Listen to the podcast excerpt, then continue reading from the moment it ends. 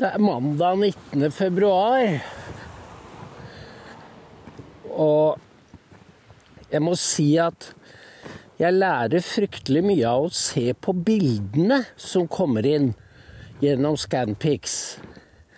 Fordi de forteller ofte en egen historie.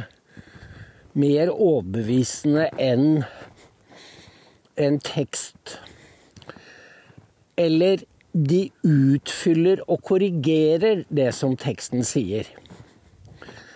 Og da tenker jeg på f.eks. alle bildene av Støre. Fordi eh, Ragnar Larsen har skrevet en drepende tekst som går ut klokka tre om at hva skyldes tausheten på grasrota i Arbeiderpartiet?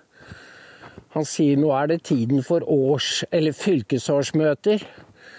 Og normalt så skal det da komme mye kritikk. Men det gjør ikke det. Det er helt taust. Til tross for at vi som er fra bygda veit at det er svært liten Støre har svært liten goodwill på grasrota i Norge. Det trenger du ikke være født på bygda for å forstå. Det fins bare noen enklaver i Oslo hvor han er en, en eh, strålende fyr. Og han eh, Hvis du går på østkanten og opp i Groruddalen, så får du vel bare tomme blikk til svar når du spør om hva de syns om Støre. Fordi han sier dem ingenting. Så da er Ragnar Larsen spør hvorfor, hvorfor kommer det ingen reaksjon. Fordi skuta, pilene peker jo bare nedover. Og nå er altså Frp større enn Arbeiderpartiet. Og det har de blitt bare ved å sitte stille i båten og ta imot. Men eh, du kan jo ikke se på Støre at han er mismodig, tvert imot. Han er strålende blid og fornøyd i München. For der møtte han da Eller han Det heter å rub shoulders. Han uh, skubbet Han var uh, pleiet omgang med Olaf Scholz og mange andre. Støre er populær der på de bonede gulvet, som det heter på dansk. Så hvorfor skulle han bry seg om potetlandet Norge? Det tenker jeg han tenker i sitt stille sinn. De er jo bare fotsoldater og stemmekveg og kanonføde. Det er den holdningen jeg kan avlese av Støres kroppsspråk når han er ute, kontrastert med hvordan han er hjemme. Fordi da får han et litt sånn Han legger ansiktet i alvorlige folder og later som han bryr seg. Og så snakker han formanende til de små barna. Men ute så kan han slippe seg løs. Han er litt som Macron som også har denne suverene Selvfølgelig, han er fransk og enda mer suveren. Overlegenhetsfølelsen som han har fått inn med morsmelken. Og at det er sånne fyrer som styrer oss, er jo et veldig dårlig tegn. De er helt uimottagelige for signaler nedenfra. Men nå må jeg fortelle noe interessant, fordi i går hørte jeg på Steve Bannons War Room.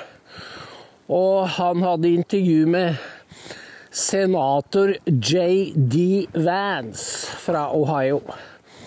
Og han er en ordentlig tøffing og maga. Og han fortalte eh, opplevelsen av å gå rundt på konferansen i München og snakke med folk. Og han sa det var som en sånn out of body experience. Fordi de har null peiling på det som skjer i USA. De vet ingenting om invasjonen i sør og Bidens skakkjørte økonomi og hvordan USA holdt på å gå i hundene, rett og slett. Og når han da forteller at F.eks. han Han snakket med folk som sa at det var jo helt forferdelig med alternativ for Tyskland. Ja, hvorfor det, sa JD Vance. De forsvarer jo bare landet sitt. Og da, da, da liksom sier det stopp hos de han snakker med, for det klarer de ikke ta inn. Og det som ble tydelig for meg da, når jeg hørte gjennom intervjuet, det var jo parallellen mellom USA Eller det vil si, det var det JD Vance sa. Det er jo en klar parallell mellom USA og Vest-Europa. Fordi også i Vest-Europa har Brussel satt, skrudd opp alle kraner for innvandring. Som bandet sa, de ønsker å skape facts on the ground før de blir kastet ut. Dette er jo en, en eh, dypt illojal, anti-udemokratisk holdning og et maktmisbruk som savner stidestykke, fordi det skaper så store splittelser i samfunnet. JD Wang skulle holde tale i går. Det må vi se om finnes foreligger da på nett. Fordi han var Han sa 'jeg er den eneste som representerer Maga her'. Det var jo en del andre republikanere, men de var ikke på hans parti. Så det sier litt om denne enorme avstanden i virkeligheter. Og det er helt riktig at våre myndigheter, både på kontinentet og her hjemme, har fulgt en strategi for avmektiggjøring av sin egen befolkning. For det er det de gjør. De gjør oss avmektige. Og det er en bevisst strategi for å kunne utplyndre oss og legge om samfunnsøkonomien. Så begge deler utarmer oss. Enten det er energi, vindmøller, elektrifisering av soklene, CO2-avgifter og avkarbonisering. Alt er med å utarme samfunnet, samtidig som de øker importen av fremmede kulturer. Det kom jo Men det, altså, det er som i det gamle Sovjet. De offentliggjør forskjønnet statistikk, men de kan jo ikke lyve om alt. Sånn at i denne statistikken fra SSB om antall sysselsatte kvinner. For det er nå oppe i 58% for innvandrerkvinner. Ja, ikke Det er jo langt under norske andelen. Men så var det antallet. Det var 438 000 innvandrerkvinner. Det er ganske mange. Og det var en tredobling på siden 2003, eh, tror jeg det var. Så fort går det å avnasjonalisere Norge og å skifte ut befolkningen. Og samtidig så sier de at det er en konspirasjonsteori å snakke om utskiftning. Men akkurat det argumentet er det ingen som hører på lenger fordi vi har øyne i hodet. Og SSB forteller oss hva vi har med å gjøre. Og det er en befolkningsutskiftning. Og nå gjelder det å øke takten i Europa, sånn at De snakker jo om 75 millioner. Sånn at heller ikke europeerne har noe mer de skulle ha sagt i sitt eget land. Eller på sitt eget kontinent. Og samtidig kommer det meldinger om grove voldtektsforbrytelser mot mindreårige. I eh, Danmark var det på en skole mot seksåringer og niåringer, utført av medelever. Og den skolen het Bordet på ved Kjøge. Den har jo da Det har vakt ganske stor oppmerksomhet. Og Landspostens eneste gode kom, gjenværende kommentator, Nils Lillerud, skriver jo at Pia Sofie eh, Nei, jo, Sofie Olsen Dyr. Hun er leder for SF. Jeg tror hun heter Pia Sofie Olsen Dyr. Hun har jo da tatt barna, barnet sitt ut av den offentlige skolen for hun sa den gangen det ble kjent jeg er først mor, og så politiker. Det er det ingen norske som tør å si, vet du. Og norske medier kommenterer det heller ikke. For uh, Olsen Dyr er ikke den første. Også Helle Thorning-Smith og Mette Fredriksen satte barna sine i privatskoler. Og altså Du må jo bare spørre liksom Hvor fins det ingen grenser for hykleriet? Og svaret er nei. Det er, er ikke det. Og dette skriver jo heller ikke norske medier om. At venstresiden sender sine barn på privatskoler i vårt naboland. Og du finner sikkert mange andre tilsvarende tilfeller her, enten det er privat helsevesen eller privatskoler. Det er ikke så mange i på barnetrinnnivå, men når du kommer oppover, så, så velger de privatskoler. Særlig i utlandet. Og da er det jo Da er det jo sånn at vi blir Johan uten land, alle sammen. Vi blir Ola nordmann uten land. Holger Danske.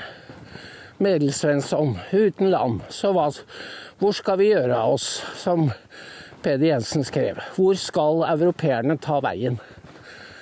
Vi får spørre Trump, fordi eh, valget i Amerika vil bestemme er også Europas skjebne. Kampen, det er derfor medier og politikere bekjemper Trump av all kraft.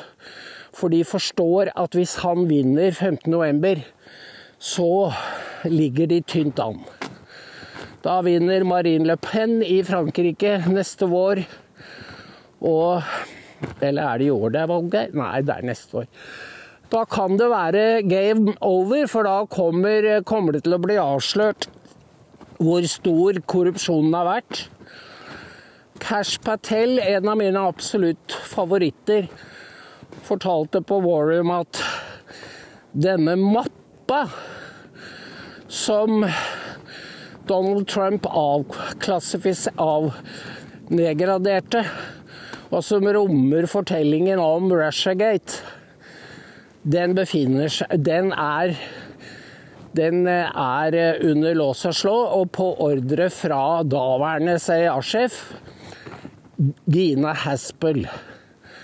Et fryktelig kvinnemenneske. Hun var stasjonssjef for CIA i London i 2016. Og hvis CIA skulle operere i utlandet, så måtte det ha hennes godkjenning. Devin Nunes var sjef for leder for etterretningskomiteen i Republikanernes hus. Og de var det som knekket koden og fikk frem sannheten om Russia Collusion, at det var en hoax, en svindel.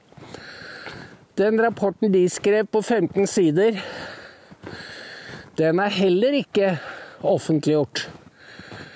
Og hvorfor, hvorfor ikke? Fordi Gina Haspel nedla forbud. Den er på 15 sider. Den er altså utarbeidet av en folkevalgt i Kongressen, og hun bare legger den bak mur. Og hvor er Gina Haspel i dag? Jo, hun er sikkerhetsråd, eller juridisk rådgiver for FBI-sjef Christopher Ray. Og hun jobber i en av de tre store advokatfirmaene i Washington. Sammen med tidligere visejustisminister Rod Rosenstein og tidligere justisminister Sally Yates. Dette er det som Cash Patel kaller 'government gangsters'. For det er det de er. De er gangstere. Og de har tatt over USA, og de styrer USA. Og som Patel sa, det er ille med Navalny. Men nå er det ikke så stor forskjell lenger mellom USA og Russland. For folk fengsles av politiske grunner i USA hver eneste dag. Forskjellen er foreløpig at de ikke blir drept. Det er sterke ord. Men han vet hva han snakker om, for han har jobbet helt på toppen av eh, Justisdepartementet og i Forsvarsdepartementet og som offentlig anklager. Så han har sett korrupsjonen på nært hold. Og hvis, hvis disse folka ikke blir stilt til ansvar, så kommer dette systemet hit, og det er på god vei. Og folk som jobber, som vil gjøre karriere og har betrodde stillinger, de merker jo fort hvilken vei vinden blåser, og at det ikke lønner seg å gjøre seg uvenner med, med disse kreftene. Og norske medier har jo i flere år arbeidet for den dype staten. Det som NTB skriver om amerikansk politikk, det er ikke verdt papiret det er skrevet på det er en systematisk fordreining av virkeligheten. Og det er ikke fordi de er dumme i huet. Det er fordi de vil gjøre sine lesere dumme. Det mener jeg er veldig alvorlig hvis du jobber i mediene og villeder folk bevisst. Og derfor må dokument bli større. Vi hadde en diskusjon nå om eh, antall lesere, og Christian sa vi har altså 25 000 diehards. Folk som er trofaste og dokumentfans på sin hals og leser alt vi publiserer. Og det er en ganske stor skole. For jeg ser på dokument som en skole.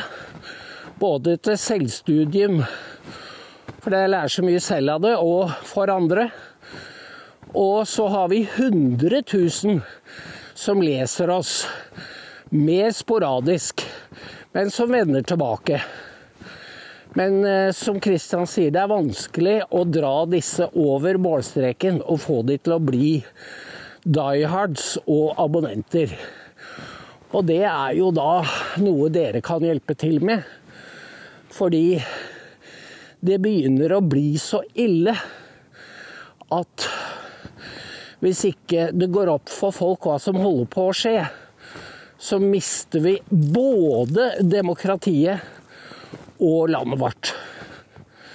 Og dette henger jo intimt sammen. Det vet dere.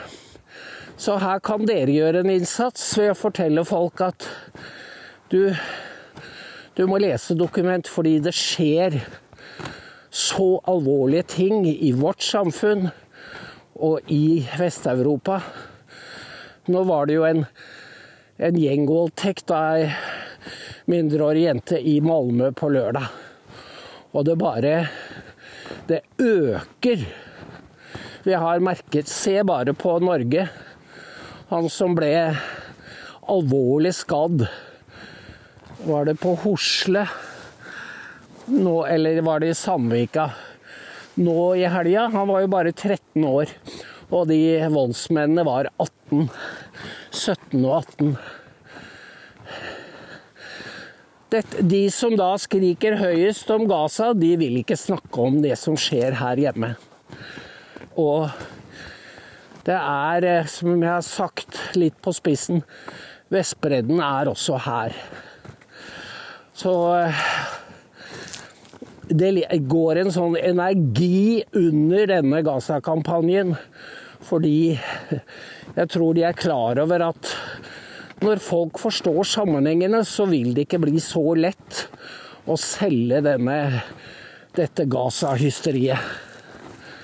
Yes, men um, her er det et hvitt eventyr. Nå er akkurat sola i ferd med å gå ned, men uh, det er fremdeles lyst og veldig vakkert. Takk for nå, dere. Det er VIPS 13629 og vi snakkes. Ha det bra. Hei.